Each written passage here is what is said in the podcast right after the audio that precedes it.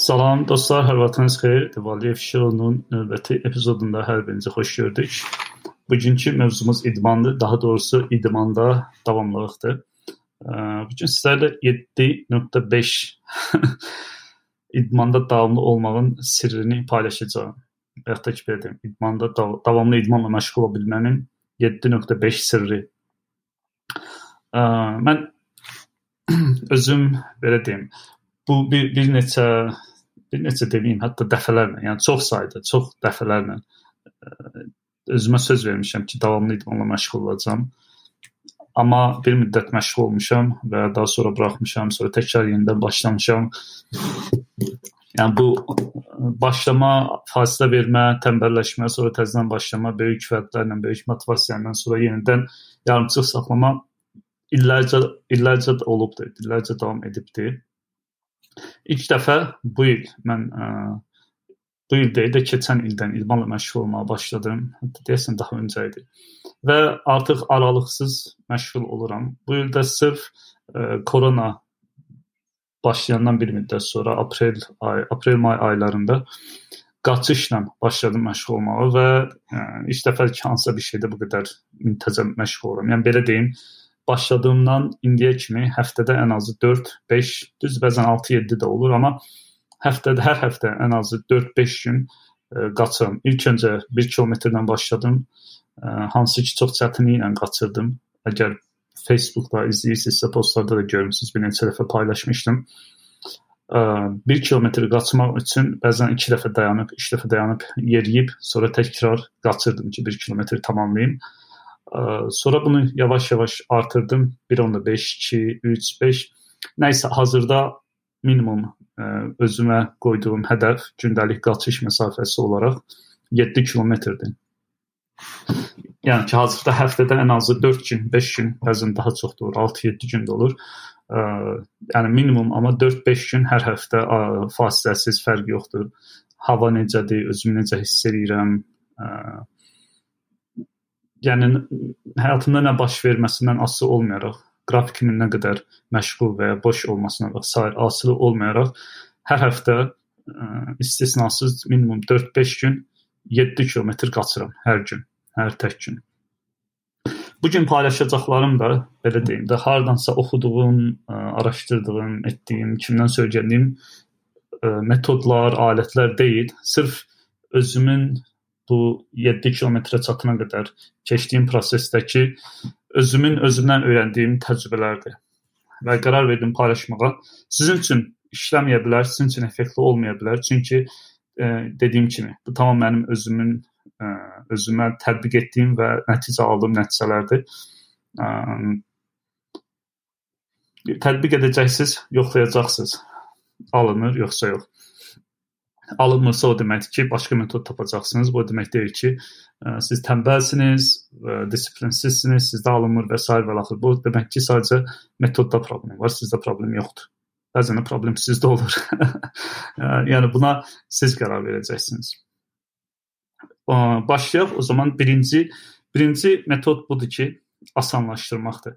Yəni mən özümdə ə, belə bir ə, şey kəşf etdim ki, Misal üçün idmana gedirdim və idmana işdən sonra gedirdim adətən həftə içi. Evə gəl evə, evə gəlirdim işdən, yorğun, arğın evə girirdim və evə girdikdən sonra yenidən dəyişib, ə, üzərimi dəyişib evdən çıxmaq, idmana getmək çox çətin gəlirdi.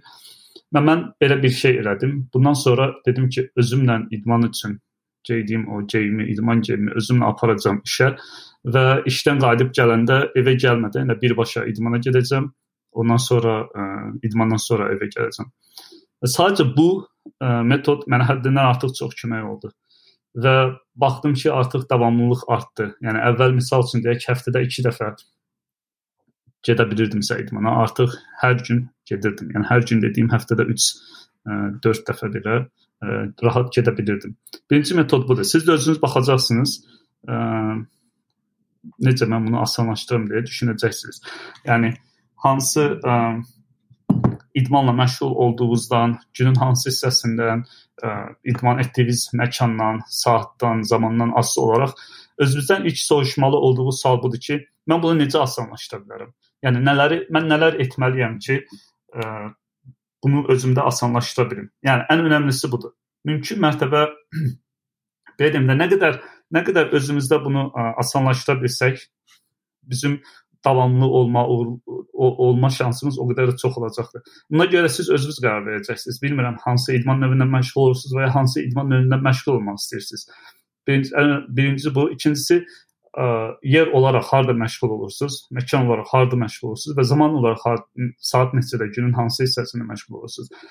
Ya buna uyğun olaraq baxacaqsınız ki, mən necə edə bilərəm ki, mənim bu idmana getmə, bu idmana başlama ə, belə deyək də proses mənim üçün həddindən artıq asan olsun. Yəni nə qədər bunu ə, özünüz üçün asanlaşdırsaz, davamlılıqda, müntəzəm olmaqda ə, ki, disiplininizi, disiplininiz disiplini disiplini özünüzə tətbiq etməkdə o qədər uğurlu olacaqsınız. Yəni ilk addım budur. Mümkün mərtəbə oturun, düşünün, mən bunu necə özümdə asanlaşdıra bilərəm. Mən Onu etdikdən sonra artıq hər gün e, özümdə özümlə götürdüm geyim, idman geyimi və gedirdim işə. İşdən gələndən sonra e, idman məktəbinin yanından keçirdim və dayanırdım, gedirdim idmanımı edirdim, sonra çıxıb evə gedirdim və bu mənə ciddi kömək oldu. Bu asanlaşdırma məs məsələsi. İkincisi paylaşmaq istədiyim şey odur ki, motivasiya motivasiyanızı disiplin edin. Yəni motivasiya biz belə fikirləşirik ki, əslində tərsini fikirləşirik. Çünki nəyə görə oxuduq, yəni bu sahədə olan kitablar, araşdırmalar, nə bilim ekspertlər və s. hamı deyir ki, motivasiya çox əhəmiylidir, motivasiyanı artırmanın hətta yolları, mən özüm də bunu etmişəm, seminarlar, kitablar, kurslar və s. təşkil olunur. Amma bəzən bizə motivasiya yox, ə, elə daha doğrusu daha çox motivasiya yox, elə o az motivasiya lazımdır. Yəni motivasiya, disiplin, motivasiyanızı disiplin edin, idarə edin deyərkən nəyi nəzərdə tuturam? Bu odur ki, məsəl üçün mən bunu qaçarkən ə, ilk dedim ki, 1 1 kilometr qaçacağam və mən özümü tanıyıram ki, ə, bir müddət bunu etsəm, sonra həvəsə gələcəm, deyəcəm ki, ayo 2 kilometr edeyim və yaxud 3 edeyim, birdən-birə artıracam. Özümə söz vermişdim, özümə bir neçə sözlər vermişdim və yaxud deyim ki, bir neçə qaydalar qoymuşdum. Qaydalardan da biri bu idi ki, bu 1 kilometr mənim üçün həddindən artıq asanlaşana qədər mən artırmayacağam. Fərqi yoxdur, nə qədər çox istəyirəm, istəyirəm bunu nə qədər həvəsliyəm, nə qədər inanıram ki, edə bilərəm, nə qədər inan inansam, əmin olsam da ki, bu zərər zərərsizdir, yenə də etməyəcəm. Və qaçarkən dəfələrlə olub ki, mən 1 kilometr qaçırdım və o 1 kilometr bitəndə e, baxırdım ki, həvəs var. Çox istəyirdim ki, davam edeyim, amma etmirdim. Yəni bir növ gözləyirdim ki, bədənim ə, e, buna qarşı e, necə deyək, o toleransı artırsın. Bu bədənim üçün ə, asanlaşsın, həm də psixoloji olaraq da mənim üçün asanlaşsın ki, bu artıq mənim üçün çox asandır və ondan sonra mən ə, e, bunu artırım və artırarkən də yenə ə, e, bir anda 1 kilometrdən 2 kilometrə və ya 3 kilometrə artırmadım. Sadəcə 1 kilometrdən e, art, yarım kilometr artdım. Yəni 1 kilometr yarım qaçmağa başladım. Ondan sonra 2 etdim, ondan sonra 2 yarım etdim, ondan sonra 3 etdim. Yəni belə-belə artırdım. Bu çox əhəmilidir. Yəni siz də hansı idmanla məşğul olursunuzsa, bəlkə bu idmana ayıracağınız zaman olacaq. Bəlkə idman eləyərkən qaldırdığınız ağırlıq olacaqdır. Çəkini artırmaq istəyəcəksiniz. Bəlkə də mənim kimi qaçırsınız, qaçış məsafəsini artıracaqsınız. Yəni məsafəni artırmağa tələsməyin. Bizim əgər xüsusilə də yeni başlayırsınızsa, bu davamlılıq sizdə yoxdursa və həqiqətən idmanı həyatınızın ayrılmaz bir hissəsi eləmək istəyirsinizsə, yəni onu bir problemdən bir həyatınızda hər gün ə, tətbiq etdiyiniz və qürur duyduğunuz bir disiplinə, o bir problemdən disiplinə çevirmək istəyirsinizsə, onda ə, yəni düşünməyəcəksiniz ki, mən nə qədər çox qaçıram və s. və axır, yəni sonra gedib mən dost dost tanışa insanlara, nə bilim sosial mediada bunun haqqında danışmaq və s. bu sizin fokusunuz olmayacaqdır. Sizin sizə maraqlı olan sadəcə o olacaq ki, davamlılıq. Davamlılıq, davamlılıq. Yəni bundan başqa heç bir şey önəmli deyil. Çünki ə, e, bu davamlılığı belə deyək, bərpa etdikdən sonra həyatımızda bunu ə, e, bir növ bu həyatımıza kök saldıqdan sonra o digər bütün nəticələr, idmanla insana gələn nəticələr onsuz da gələcəkdir. Ya bu bunun belə deyək də ə, yan təsiri olacaqdır. Bu onsuz da olacaqdır. Ona görə disiplinimizi, daha doğrusu motivasiyamızı disiplin edirik, motivasiyamızı idarə edirik və ə, hisslərimizə görə deyil, hisslərimizə rağmen, hisslərimizə ə, inad belə deyək də hərəkət edirik. Buna qərar verirsiniz. O çəkini artırmaq, məsafəni artırmaq və yaxud da ki, idmana sərf etdiyiniz vaxtı artırmaq üçün tələsmirsiniz. Əsas odur, əsas olan davamlılıqdır. Üçüncüsü, ə, yəqin eşitmisiniz zənciri qırmamaq məsələsi. Yəni bu da nədir? O deməkdir ki, ə, həftədə 3 dəfə edəcəksinizsə və yaxud da ki, həftədə 5 dəfə idmanla məşğul olacaqsınızsa, fərqi yoxdur. Həftədə neçə gün vaxt ayıracaqsınızsa, nə olursa olsun onu etməkdir. Bununla mən demək istədiyim sadəcə bir şey var. O da budur ki, bəzi günlər olacaq ki, siz etmək istəməyəcəksiniz, yorğun olacaqsınız, əsəb olacaqsınız, ə, iş işlə əlaqəli və yaxud da ki, ailə ə, ailədəki hansısa məsələlərlə əlaqəli idman o o gün idman eləməyə demək deyək ki, sizin kifayət qədər vaxtınız yoxdur. Və yaxud da ki, həvəs yoxdur. Həqiqətən də çox yorğunsunuz. Həqiqətən də etmək istəmirsiniz və insanıq bu olacaq. Elə düşünməyin ki, bunlar sizdə olmayacaq. Hər birimizdə olur və nə qədər məşğul olsaq da olacaqdır. Bu anlarda xüsusilə də yeni başlayan insanlar üçün, misal üçün deyək ki, siz ə, hədəfiniz budur ki, hər gün ən azı 30 dəqiqə idmanla məşğul olmaq. Amma baxırsınız ki, yox, bu gün 30 dəqiqə çox gəlir, edə bilməyəcəksiniz. Yəni oturub ə, həm edib etməmə qərarını vermək üzərinə uzun-uzun düşünməkdənsə, həm etməyib öz özünə ə, belə deyək də ə, o ümidi, o həvəsi itirib, itirib öz özünə qapılmaqdan, o neqativliyə düşməkdənsə belə bir şey qərar verirsiniz ki, bu günlərdə çıxacaqsınız ayıra biləcəyiniz 5-10 dəqiqədirsə, o 5-10 dəqiqəni ayıracaqsınız. Yəni narahat olmayacaqsınız ki, mən bu gün 30 dəqiqə edə bilmədim. O sizin üçün problem olmamalıdır. Yəni eləsə super, Bunu eləsə super, amma edə bilmirsinizsə, burada heç bir problem yoxdur. Nə edə bilirsinizsə, onu edəcəksiniz. Bu da nəyə görə? Yəni belə deyim, biz həyatımızda hansısa bir vərdişi formalaşdırmaq istəyiriksə, o vərdişdən belə deyək də məhsul olan beynimizdəki neyronlar var. Və biz onlar biz o vərdişi nə qədər çox təkrarlayırıqsa, o vərdişlə əlaqə olan beynimizdəki o neyronlar arasındakı belə deyək də əlaqələr güclənir. Onlar bir bir yerə gəlirlər. Daha ə, komanda halında daha yaxşı işləyirlər. O neyronlar əlaqəsi belə deyək də informasiya ötürməsi və s. və axır onlar daha da güclənir. Burada məqsəd odur ki, belə yanaşacağıq ki, mən bu 5 dəqiqə eləməklə o neyronlar arasındakı yaranmış əlaqəni, o isti əlaqəni soymağa ə, soy soymağa icazə verməyəcəm. Bunun qarşısını alacağam. Bu bu bu hallarda, bu günlərdə önəmli olan sizin nə qədər edib etmədiyiniz deyil, sadəcə edib etmədiyinizdir. Yəni bu günlərdə miqdarı boş verəcəksiniz və bununla rahat olacaqsınız, özünüzü günahkar hiss eləməyəcəksiniz. Əsas odur ki, zənciri qırmamaq. Əsas odur ki, beynimizin o hissəsini aktiv saxlamaq. Əsas odur ki, öz özümüzə sübut eləmək ki, ə, mən bunu elədim. Və çünki bu gün eləməsək, sabah eləməmək də böyük bir ehtimaldır. Amma bu gün eləsək, sabah etmək böyük bir ehtimaldır. Yəni bu gün etməmək sabah etməməyi asanlaşdırır. Bu gün etmək sabah etməyi asanlaşdırır. Bu cür yanaşacağıq. 5 dəqiqə belə olsa edəcək. Hə, bəzən mən belə bir şey deyim, olub ki, ə, mən o gün ilk başda da qaça bilməmişəm və çıxmışam sadəcə yerimişəm. Çox az qaçmışam, çox az. Yəni həddən artıq az qaçmışam. Amma demişəm ki, mən bunu edəcəm. Çünki bilirəm ki, bu gün etmək sabah etməyi asanlaşdırır. Və bizim o daxilimizdəki səs ki var, hansı ki deyir ki, olmayacaq ya da belə deyim. Daxilimizdəki daima bizim hədəflərimizlə bağlı bizə şübhə edən o səs ki var, o səsin səsinin yüksəlməsinin qarşısını almış oluruq bundan. Buna görə də o zəif hiss etdiyimiz günlərdə miqdara yox, sadəcə edib etməməyə fokuslanacağıq. Dördüncü paylaşmaq istədiyim odur ki, yeni başlamışıq və yeni başladığımız üçün də həvəsə gəlirik. Nə bilim, tərəziyə çıxırıq, bədənimizə baxırıq güzgüdə və s. yəni belə şeylər eləməyin. Ə, yeni başda önəmli olan o deyil ki, nə qədər əzələ qazandınız, nə bilim, ə, six app nə qədər o, olur yoxsa olmur. Ə, six app nə idi? Paxlava deyirlər desəm bizdə. yəni paxlavalar çıxır, çıxmır. Bunlara baxmayacağıq. Bunlar önəmli deyil. Çünki bizim üçün hansısa belə deyək də biz hansısa ə, aktyor və sair deyirik ki, hansısa kinoya filmdə rol almağa asanlıq hazırlaşmırıq ki, tez bir nəticə alaq və bədənimiz tam o alacağımız rola uyğun formalaşsın. Bizim üçün maraqlı olan sadəcə bir şey var. Bu bu vərdişi, bu disiplini idmanı həyatımızın ikinci bir hissəsi halına gətirmək. Əvvəl dediyim kimi bunu etdikdən sonra onsuz da, yəni bu idman bizim ayrılmaz həyatımızın ayrılmaz bir hissəsinə çevrildikdən sonra onsuz da bu istədiyimiz nəticələrin bir çoxu, hamısı olmasa da bir çoxu e, belə deyək də avtomatik olaraq həyatımızda olacaq. Yəni bu bunun yan təsiri, bu qaçın qaçınılmaz olacaqdır. Bu xüsusilə də ilk başlarda buna fokuslanmaq, yəni 2 gün, 3 gün, 1 həftə məşq edib sonra ə, idmanla məşğul olub, sonra gedib güzgüdə özünə baxmaq və qeyri qeyri-adi nəticələr gözləmək, görmək istəmək yaxşı arzudur. Amma uşaqca bir arzudur. Yəni o qədər tez əldə edilmir o şeylər. Əlbəttə ki, bu mənasız dərmanlardan və sair istifadə etmirsinizsə.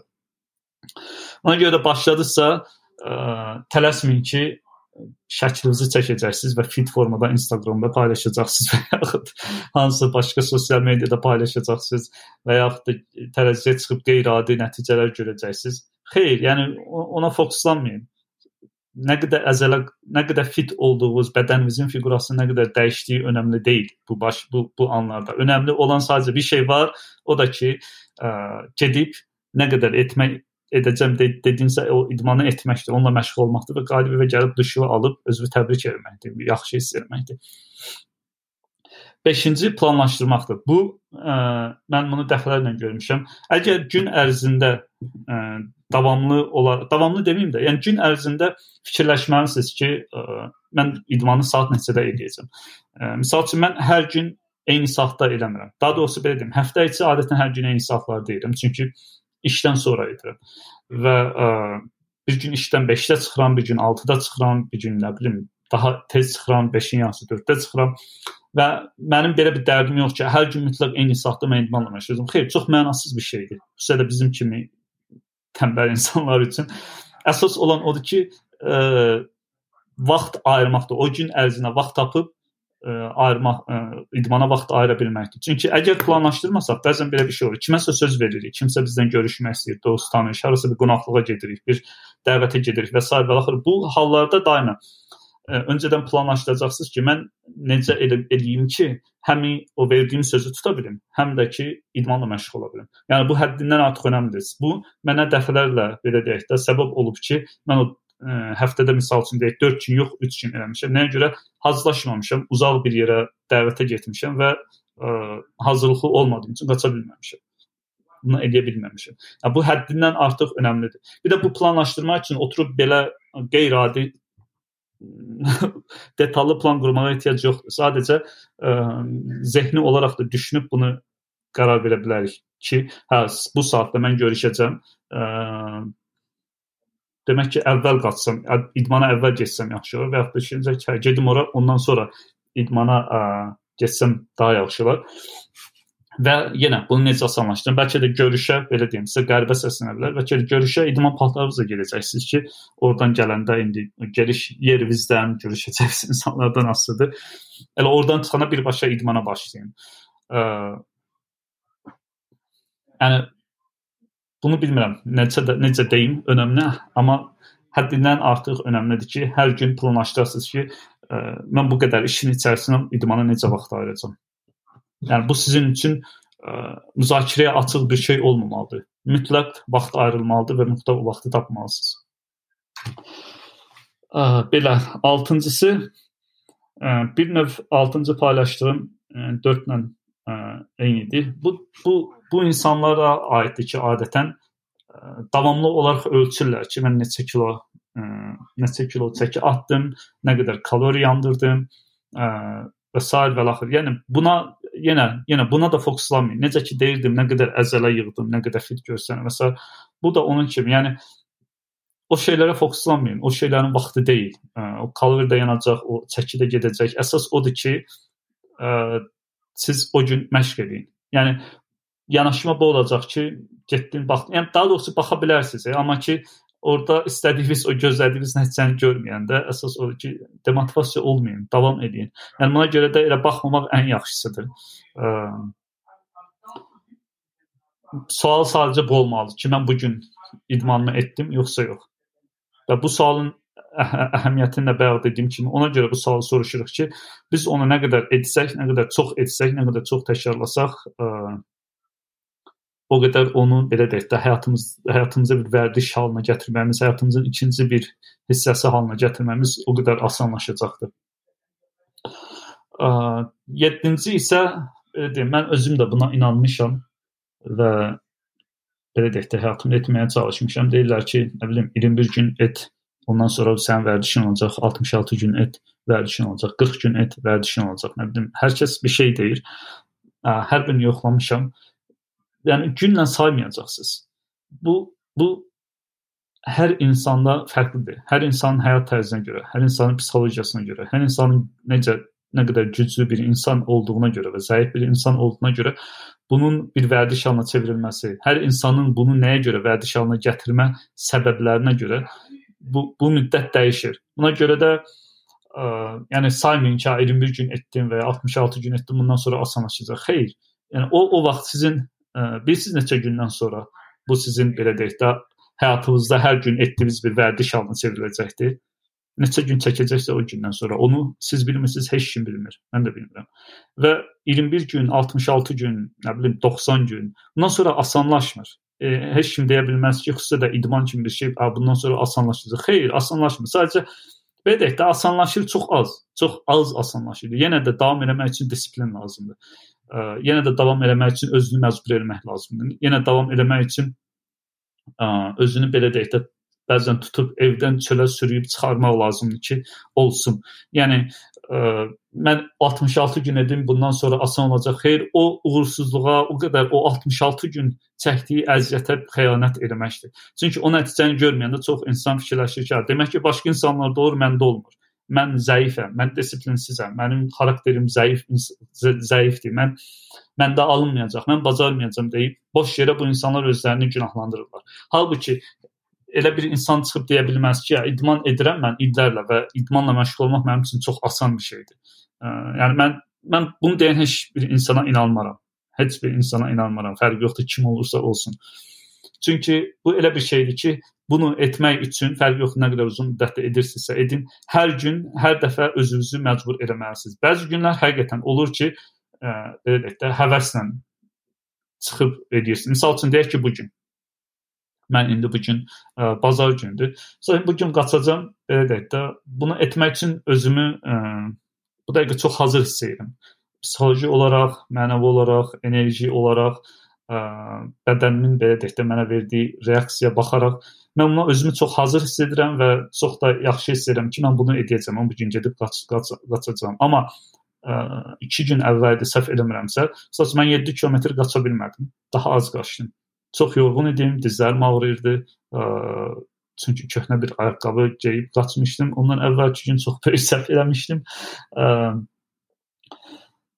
yəni bəzi günlər yaxşı olur, bəzi günlər pis olur, bəzi günlər çətin olur, bəzi günlər nifrət edirsən, bəzi günlər eləmək istəmirsən və bu günlərdə disiplin lazım olur və bu günlər 21 gündən, 66 gündən keçib getmir.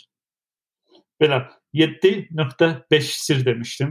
Bəs bu 0.5-ci sir nədir? 0.5-ci sir də odur ki, siz bu prosesi edərkən, bu prosesdən keçərkən nəyin sizdə işləyib, nəyin işləmədiyini, nəyin nəyə görə işləyib, nəyin hansıları nəyə görə işləmədiyini fikir verəcəksiniz, tapacaqsınız və öz qaydalarınızı sizin üçün tam işləyən öz qaydalarınızı belə deyək də tapacaq, öz öz qaydalarınıza əməl edəcəksiniz. Məhz o tapacağınız qayda da 0.5-ci qaydamız olsun. Ümid edirəm faydalı oldu. Növbəti epizodda görüşənə qədər hələlik sağ olun.